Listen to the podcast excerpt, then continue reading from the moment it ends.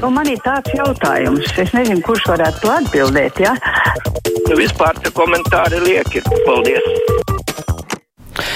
6722, 888, 672, 559, ir tālruņa numuri mūsu studijā. Varat mums arī sūtīt ziņas no mūsu mājaslapas.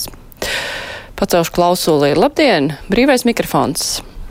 Labdien, Mārcis Kundze! Labdien! Paldies par iespēju, Gunārs no Rīgas, paldies par iespēju pateikt dažus vārdus savai valstī. Man ir lūgums un palīdziet lūdzu mums par tautiešiem, lai mūsu deputāti, kā, kā agrāk bija medijos publicētas vietas un laiki, kad varējām ar viņiem satikties aci pret aci.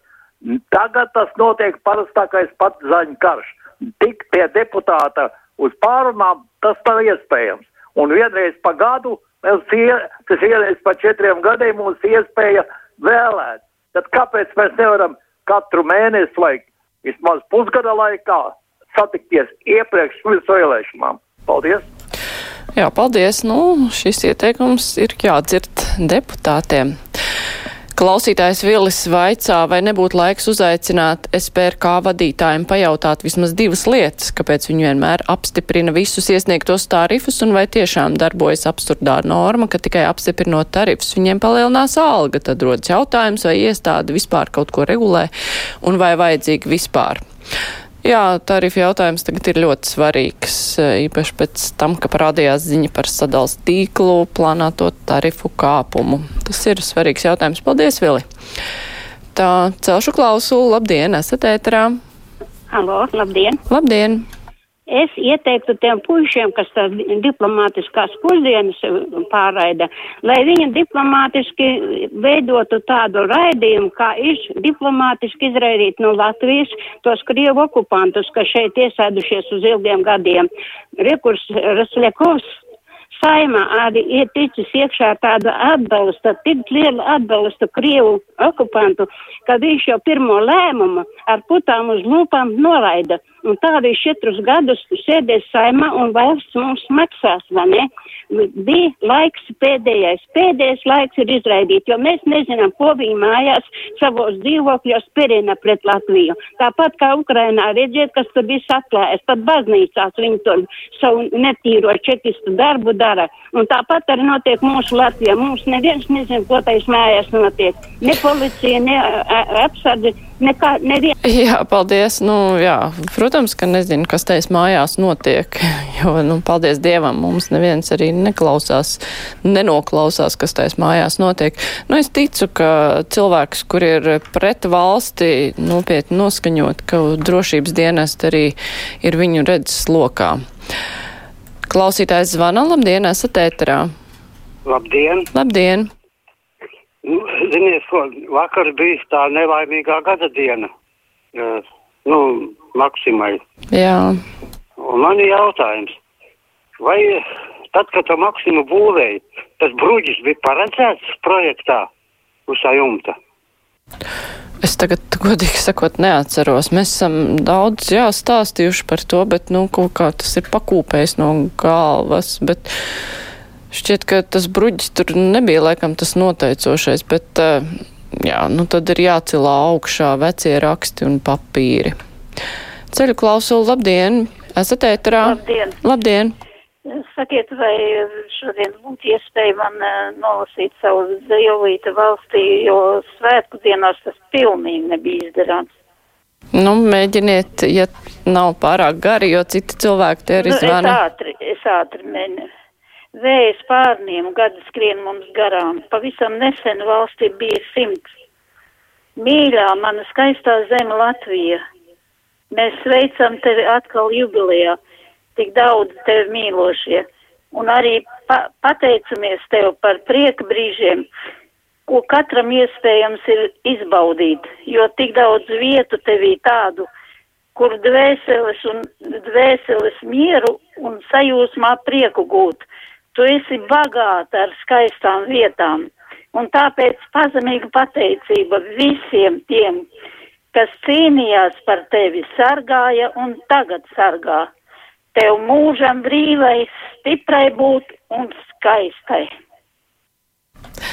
Jā, paldies, paldies. Es domāju, ka šādu dzējoli var ne tikai svētkos skaitīt, bet uh, tas ir vienmēr svarīgi. Alisa raksta, man jau gan šķiet, ka tagad katrs deputāts ir viena klikšķa attālumā.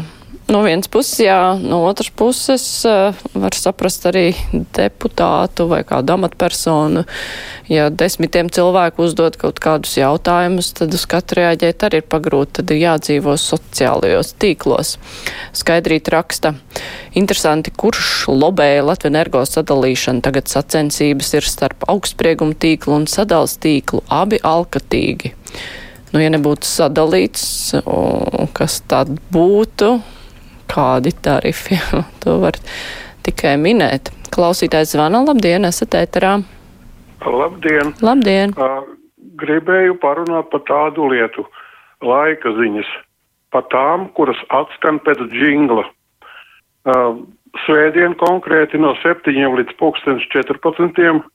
laika ziņās netika iekļauts atmosfēras spiediens un gaisa mitrums.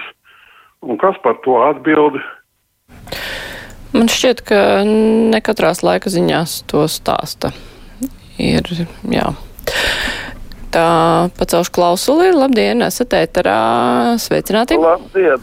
Labdien. Tātad es gribētu izteikties attiecībā par to uh, ideju, ka krievu valodu nepiedāvāt kā izvēles priekšmetu. Nu, es uzskatu, ka tas nav pareizi, jo izvēlē vienmēr ir jābūt tāpat, ka izvēlē potēties vai nepotēties. Nedrīkstētu spiest potēties, bet ja kurš cilvēks grib potēties, no kā viņam to var aizliegt. Tā ir viņa izvēle. Un otrkārt, ja mums ir tāds naidīgs kaimiņš, kurš vienmēr būs no atkarībā no situācijas vairāk vai mazāk bīstams, bet Krievija nekur nepazudīs. Tad mums jāsako līdzi. Ir tāda ārzemju latviešu dziesma, ko dziedāja trīs no pārdaugavas par to briedulēnu, kurš lāci uzmana un ragu sasina. Un ja nezini, ko tas lācis tur murmina zem deguna sev, tad nevar viņu pienācīgi uzmanīt. Tāpēc es uzskatu, ka mums to krievu valodu tomēr būtu jābūt iespēja apgūt, un tāpat jau cilvēki to darīs, vienkārši tad pelnīs visādas privātas firmas, vis visādi kantori, ko visticamāk arī nemaksās valstī nodokļus, nu tā nav varonība, un pielaizīties okupantiem var arī neprotot, lai Krievu, nu, piemēram, mūsu Vierečkā vairīgi slavenā Vairavīga Freiberga. Nu jā, atkal aizgājāt uz personālijām. Tā, bet uh, par izvēli, jā, paldies par to viedokli. Tas arī interesants. Klausītāja Sigita raksta, kāpēc cilvēki uzskata, ka lasa dzēju, ja tur nesmakas no tā vārdu savārstījums pat nehaika. Sigita. Bet cilvēki grib izpausties un kaut ko pateikt. Kāpēc gan ne, ja ir tāda iespēja? Tā klausītājs raksta patais, patiesais naudas rausējs ir monopola uzņēmums augstsprieguma tīkli, kas atsevišķus tarifus ceļ vairāk par 400%. Ielas savukārt raksta, ka arī ļoti cerot, ka valsts drošības dienas skrupulozi seko līdz Roslikovu un viņa biedru aktivitātēm, sevišķi jau sociālajos tīklos. Tā celšu klausulī. Labdien, brīvais mikrofons. Labdien, Labdien. Mārs kundze. Es saku arī paldies Dievam, kad mūsu Latviju vadīs atkal Krišāns Kariņš, jo viņiem ar Levitkungu, mūsu valsts prezidentu, smaga nasta būs jāiznes. Tā, kas ir sakrājusies pa visiem iepriekšējiem gadiem, lai Dievs viņiem abiem palīdz. Paldies! Te mums klausītājs raksta, Kariņš beidzot nominēts, liekam derības būs vai nebūs klausītāji. Ja? Tas nozīmē, ka hm, klausītāji pieļauj, ka var arī nebūt. Bet jā, teiksim, hop, kamēr vēl nav pārlēkts, redzēs, kā ies ar valdības tad izveidošanu. Bet nu, droši vien, ka prezidents jau nolēma nominēt, tad ir droši, ka izdosies izveidot. Klausītājs zvana. Labdien, brīvais mikrofons. Sveicināti. Labdien. Nesen noklausījos rādījumu par izglītības sistēmu. Izrādās, ka tagad viena daļa priekšmets var apgūt gan pirmā, gan otrā līmenī. Nu, varētu būt, ka tā ir, bet matemātikā sinus un kosinus ir pirmajā līmenī, tangens un kotangens otrā līmenī. Bet tā taču ir viena teikuma uh, sastāvdaļa. Nu, kā to var dalīt? Galīgi. Uh, jā, es pārtraucu, bet um, hm, to tad jūs tā esat pārliecinājies, ka ir. Tā klausītāja Inga raksta, mani interesē, kurš nes Krievijā teiks jaungadu uzrunu un vai tauta to neskatīsies kā cirku. tas, kurš tur ir, droši vien arī teiks, ja vien kaut kas nebūs noticis, bet tas, ka tas, ko viņš tur runā, tiek pieņemts ļoti daudz cilvēku, nu, ļoti daudz cilvēku puses tā nekritiski Krievijā, nu tā tas notiek. Tā klausītājs zvana ceļu klausulu. Labdien, esat ēterā. Labdien! Labdien! Es joprojām par tiem pašiem mežiem, kuri tiek tik briesmīgi izlaupīti. No vienas vietas kailcirtes uz malku nevar nopirkt, tā maksā astronomiskas summas. Un tik ved uz ārzemēm un pārdopa lēto. Un pēc tam tās kailcirts izvagotām frēzēm. Un tur ir kādi 60 centimetri dziļi grāvī. Tur neviens cilvēks vairs nevar paiet pa viņām. Cik ilgi šitas turpināsies?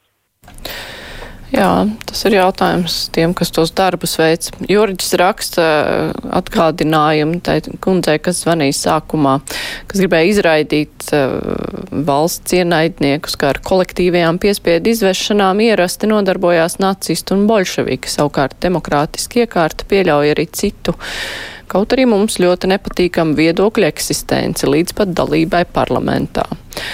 Tieši tā. Un, uh, tajā brīdī, ja tas pārkāp robežu, tad uh, valsts drošības dienests jau skatās, vai netiek pārkāpts likums, kas liedz tādas pretvalstiskas darbības. Labi, klausītājs zvana. Labdien! Labdien! Es vēl par laika ziņām. Sensenos laikos vienmēr sekoju laika ziņām, laika ziņas zvejniekiem.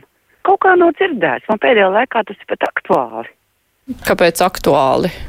Tāpēc, ka sanāk saskarties ar zvejniekiem. Mm. Kad viņi iet jūrā un tā tālāk. Jā, paldies. Nu, man, šķiet, kādreiz tas bija aktuālāk, jo daudz vairāk zvejnieku gāja jūrā. Tagad jau nu, jau kādu laiku tas nav tā, ka mums varbūt piekrasts zveja kaut kāda noteikti, bet nu, tāda liela zvejošana salīdzinot ar veciem laikiem nav it kā. Bet nu labi. Brīvais mikrofons ar to arī izskan. Tagad būs ziņas, bet pēc tam mēs runāsim par palīdzību Ukrainas civiliedzīvotājiem. Es jau minēju raidījumu sākumā, ka šis atbalsta laiks tuvojas beigām, tad nu runāsim vai, vai var paspēt to pagarināt, ņemot vērā, ka saima arī vēl pilnvērtīgi nedarbojas. Bet nu tagad būs ziņas.